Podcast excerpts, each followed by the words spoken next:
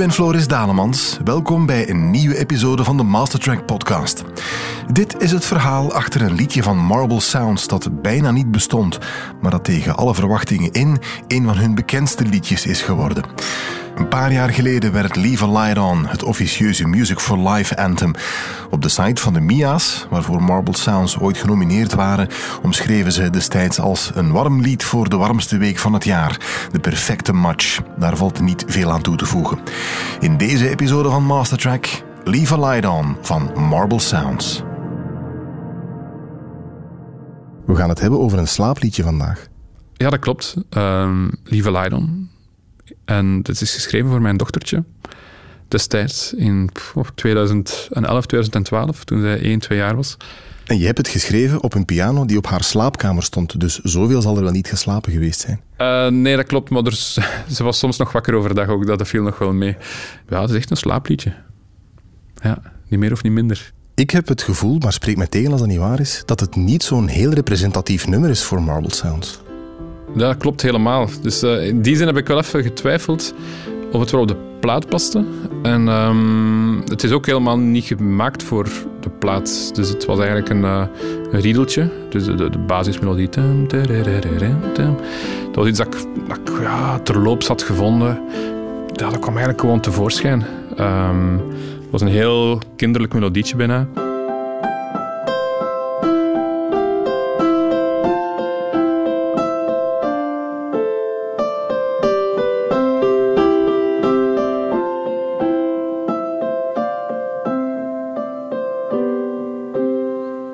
Meestal als ik een Marble Sounds nummer maak, dan zet ik mij en dan maak ik echt, dan geef ik mij de opdracht van, nu maak ik een Marble Sounds nummer. En nu was dat totaal niet het geval. Maar het werd uiteindelijk zo nog een leuk liedje dat, dat ik het wel gebruikt heb voor de plaat, ja. Die piano op de kamer van je dochter, daar speel je dan s'avonds laat niet op, kan ik mij inbeelden, want dat is toch lastig? Nee? Ja, dat klopt wel. Dat was uh, dus uh, noodgedwongen overdag dat ik daarop uh, moest spelen, inderdaad. Ja. De piano waar we nu zitten, mogen we wel even zeggen, die staat in wat we vriendschappelijk het sessiekot van de AB noemen. Hier in Ancien Belgique worden regelmatig akoestische sessies gespeeld. Onder meer op deze piano. Waarom zitten we aan deze? Um, dit is de piano die ik gebruikt heb voor, uh, voor Lieve Leiden, voor de, de opname.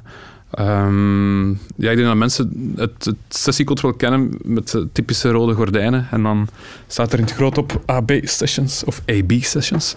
En um, ja, ik was voor het nummer op zoek naar een, een heel goede piano. Want het is, het is een pianoliedje. Er zit niet zoveel, uh, niet zoveel anders bij dan piano. Dus ik, voor de plaat um, moest de pianoklank echt, echt heel goed zitten. En de pianokeuze was heel belangrijk.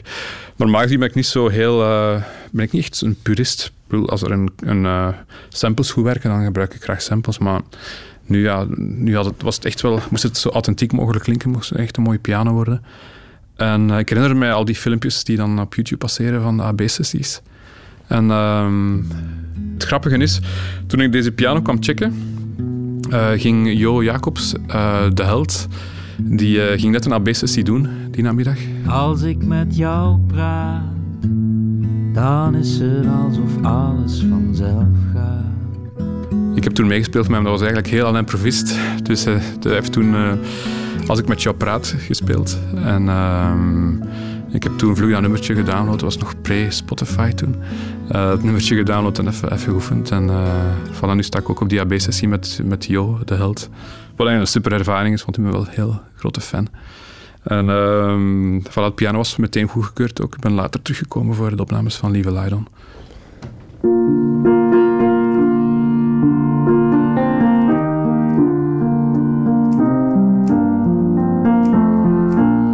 Het toffe is dat die, al die kliks van die hamertjes er heel hard in zitten. Heb zo de... Sommige noten hebben het iets harder dan, uh, iets harder dan de andere. En uh, ja, in de mix, uiteindelijke mix um, van Peter Crosby, die de plaat gemixt heeft, heeft hij echt zo die, die, die pianoklank nog een beetje gecompresseerd, zodat die kliks er nog, nog harder in zitten. En uh, ik, vind dat wel, ik vind dat wel leuk, zo van die random geluiden. Ja. Dat zit misschien ook met mijn, mijn Tom Waits verleden een beetje. Ik ben wel fan van Tom Waits en, en ook zeker dus van zijn, zijn barperiode of zijn pianoperiode. Dus ik heb in het verleden wel, wel veel geluisterd naar, naar liedjes zoals uh, Martha of zo, of uh, The Piano Has Been Drinking. Uh, piano has been drinking. The piano has been drinking. Not me. Die inspiratie is er wel onvermijdelijk ingeslopen, denk ik, in, in dat liedje. Dus ik, ik hou wel van, van kapotte pianoklanken. Ook al is dit zeker niet kapot te noemen, maar Ik zou denken dat je op zoek gaat naar een, een mooie vleugelpiano. Als je zegt, ik heb echt een goede piano nodig. Maar dan kom je bij een buffetpiano in de AB terecht. Toch wel grappig. dit is al, heeft iets meer charme, vind ik, dan, een, eh, dan zo'n gladde vleugelpiano. Wel, een vleugelpiano kan, kan zeker mooi zijn in andere, voor andere songs. We hebben er later nog, nog eh, voor onze nieuwe plaat nog veel vleugel opgenomen. Maar voor Lieve Lydon mocht het wel iets eh, kapotter. Ja. Je zingt Lieve Lyron ook niet alleen. Dat klopt. Dat was eh, Aino Vemasto. Dat is eigenlijk een, een, ehm, een eh, Nederlandse zangeres. Haar naam is eigenlijk Fins, want ze heeft eh, Finse roots. Die zingt mee. Eh, die zingt de tweede, tweede helft van het liedje. Ehm Aino speelde destijds bij AM ook. Dat is een, een Nederlandse groep. eh, die ons voorprogramma deden in ehm, de MOD in Hasselt. En we hadden toen eh, destijds eh, Sky High, een liedje van onze eerste plaats, dat ook gezongen was door een meisje. Dus als we dat live wouden doen, dan vroegen we altijd zo aan een zangeres in de buurt van wil je, wil je dat met ons mee op podium zingen? En Aino zong toen Sky High in Hasselt. En dat was zo'n revelatie voor ons, was zo prachtig, dat ik dacht van, die moet ik echt onthouden, want die, die mag van, van mij echt wel nog de, op de volgende plaats zingen. En voilà, toen kwam er zo, eh, toen kwam Lieve Light onderaan. Ik heb haar gevraagd om in te zingen. En de eerste take die ze zong was, was fantastisch. Die was een klein beetje overstuurd. We hebben ze, ehm, ik heb later dan nog eens gevraagd van, kunt u nog eens zingen, want het is een klein beetje overstuurd. En dan was het minder. Dus we hebben eigenlijk gewoon de, de lichtjes overstuurde versie gebruikt voor, eh, voor deze plaat. Uiteindelijk heel goed meevalt. En niemand dat daarover struikelt, dat daar een klein beetje oversturing op zit. Dat is echt heel minimaal.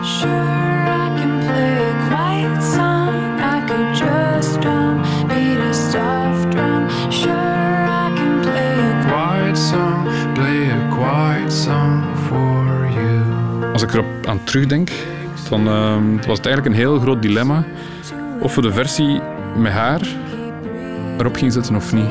Want ik had ook een, een versie waar ik het helemaal alleen zong.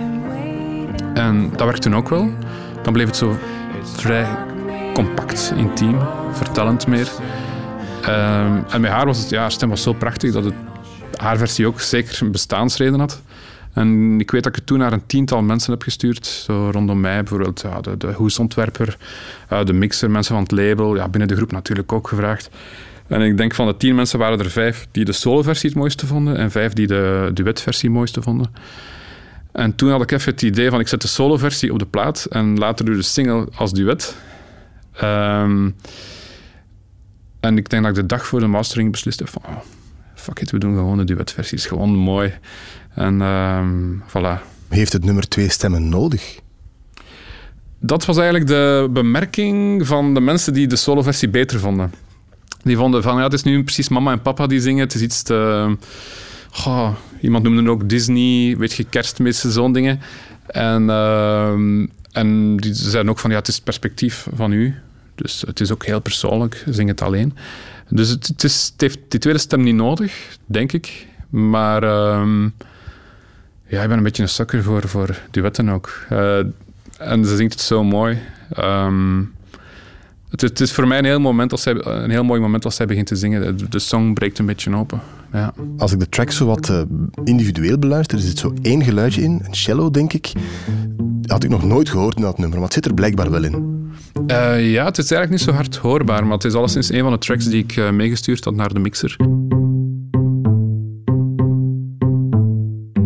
Song is heel, van arrangement heel, heel eenvoudig. ehm, maar ik had er ook wel een kleine cello pizzicato klank ingestoken. Ik had eigenlijk gewoon geprogrammeerd. Dus ondersteunt een beetje de bassen van de piano. En eh, ik weet niet of dat het echt gebruikt is, want het is heel subtiel. In de, allee, op zijn, zeker heel subtiel gebruikt, of helemaal niet. Dat weet ik eigenlijk zelf niet zo goed. Ehm, en de mixer, het enige dat hij zich herinnert, is dat hij opgelucht was dat er geen eh, 50 tracks tevoorschijn kwamen toen hij de sessie opende. Wat meestal het geval is bij Marble Sounds, is dat we 50, 60 tracks eh, in een liedje hebben. Dus eh, dit is heel sober nog. Ja.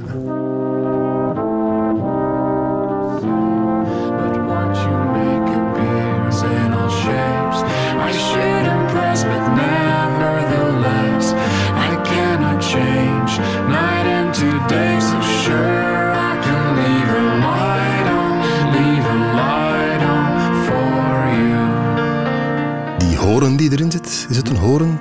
Franse horen, kan dat? Ja, Franse hoorn. Het is een hoorn, en een tuba en een eh, bugel. Dat doet het ook wel voor mij eigenlijk, in dat nummer. Ja, ja. Ehm, Ik ben zelf wel, wel fier op de arrangement ook van, ehm, van dat nummer. En de klank, ja, ik had echt, dat, dat, dat klanktapijtje had ik echt voor ogen. En als ik me goed, goed herinner, was dat beïnvloed door een ehm, opname van Tori Amos, eh, Putting the Damage On. Dat begint met zo heel mooie warme blazers.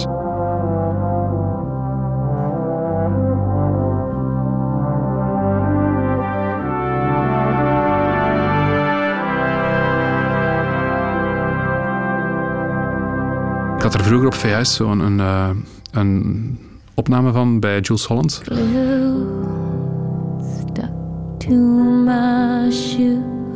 Ik weet dat ik daar zo zot van was, van die opname. En dat is me altijd bijgebleven. En toen bij dit liedje dacht ik terug aan Putting the Damage On van Tori Amos. En ehm, ja, er is met, met tubas, denk ik, dat zij speelt en een eh, bugel. Ja. Het geeft een heel mooi warm tapijtje. En dat is dat wat ik eigenlijk wou op eh, bij Lieve Lydon. En dan nog één geluidsspoor waar ik het over wil hebben. En ik vind dat altijd leuk als ik het ergens hoor, is een mellotron. Ja. Dat is zo'n ongelooflijk instrument. Ehm, is het een echte om te beginnen? Nee, dat is geen echte. Je hebt tegenwoordig ook zo heel goede simulaties. Een echte monotron, ja, dat is echt heel moeilijk te vinden, denk ik. Hè. Ik weet niet, ik weet eigenlijk zelfs niet wie dat er in België eentje heeft. Misschien... eh, David Poltrok. Dus ja, ik dacht ook aan Poltrock. misschien misschien eh, bij hem. Maar het is, zo, het is ook heel subtiel weer. Hè. Dus als het echt subtiel achteraan in de mix zit, heb ik weinig zin om, eh, om het mellotron geluid te gaan zoeken.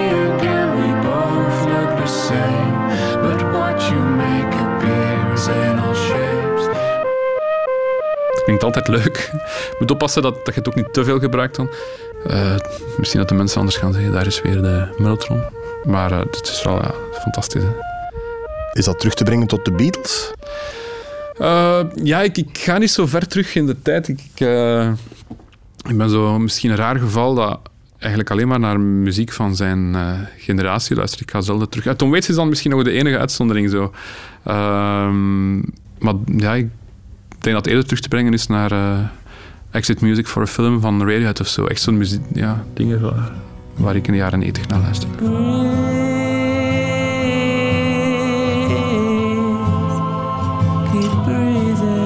Maar ik kwam langs de discussie ook over eh, dat ik verbaasd was dat jonger, jongeren nu van, van 20 jaar, dat die zo hard de jaren 90 kennen. Ik zag twee gasten van 20 een, een, eh, een Nirvana coveren en zo. Ik dacht van, allee, of Zombie of zo. Van Cranberries. Dat ik dacht van, allee. En, en, en Johnny zegt me dan van, ja, maar de jongeren, wij, toen wij klein waren, coverden wij ook de jaren 70. Ik zei van, nooit gedaan. Toen ik klein was, ik speelde Nirvana en ik speelde Therapy en Pearl Jam en Radiohead en Deus en zo. Dus ehm, ja, ik ben daar een beetje een speciaal in en ik ga, ik ga zelden terug naar, eh, naar vroeger. Ik probeer soms, hè, ik, soms ah, ik was dan, Tom Waits heb ik leren kennen via Moondog Junior vroeger en zo. En eh, ik weet dat Frank Zappa heb ik dan nog heb ik leren kennen via de Evil Superstars. Maar hetzelfde ge- gebeurt die klik met, met de, de grote oude voorbeelden. Het blijft zo altijd in mijn eh, generatie steken, precies. Eigenlijk zit er zo weinig in het nummer dat je bijna op zoek moet gaan achter dingen om je aan vast te klampen. En toch is het een nummer dat geweldig veel mensen aanspreekt. Ja, ehm, tot onze verbazing wel. Ehm, het, stond, eh, het is uitgekomen op de plaats Dear Me Look Up. En dat was in 2013, in maart. En ehm, daar is een beetje een onopvallend nummer gebleven tot december. Toen we toch ehm, ja, toen we er een clip voor gemaakt hebben. En dan hebben we het ook naar de radio gebracht. En tot onze grote verbazing was dat de single, de, de single die gedraaid werd op, op alle zenders bijna. Ja. Er is zo'n jaar geweest, was dat dat jaar dan Music for Life, Ja. dat het het meest gedraaide of gevraagde nummer van die editie was? Eh, ja, er waren nog zo'n paar party anthems of zo die nog meer gedraaid werden, maar dit was denk ik derde meest gevraagde of zo, het vierde meest, eh, ja, samen met Gold van eh Gabriel Roos, een beetje dezelfde periode. En ehm, we hebben toen ook live gespeeld op Sportgala, wat ook vrij druk bekeken programma is. En ja, dat waren dingen die allemaal nieuw zijn voor, voor een band al- als Marble Sounds. We zaten altijd zo'n beetje onder, die, onder de radar een beetje. En plots uh, kwamen we echt in uh, tv-shows en radioshows en zo. Ja.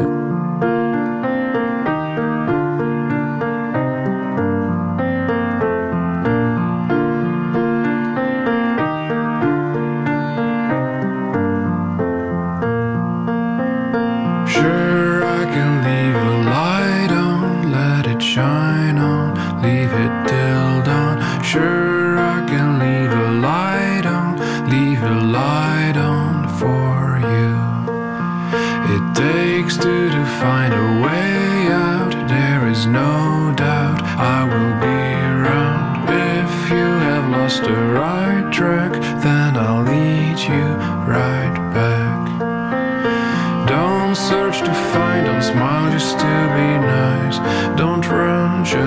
Get there on time. Be amazed, simply blown away. Live on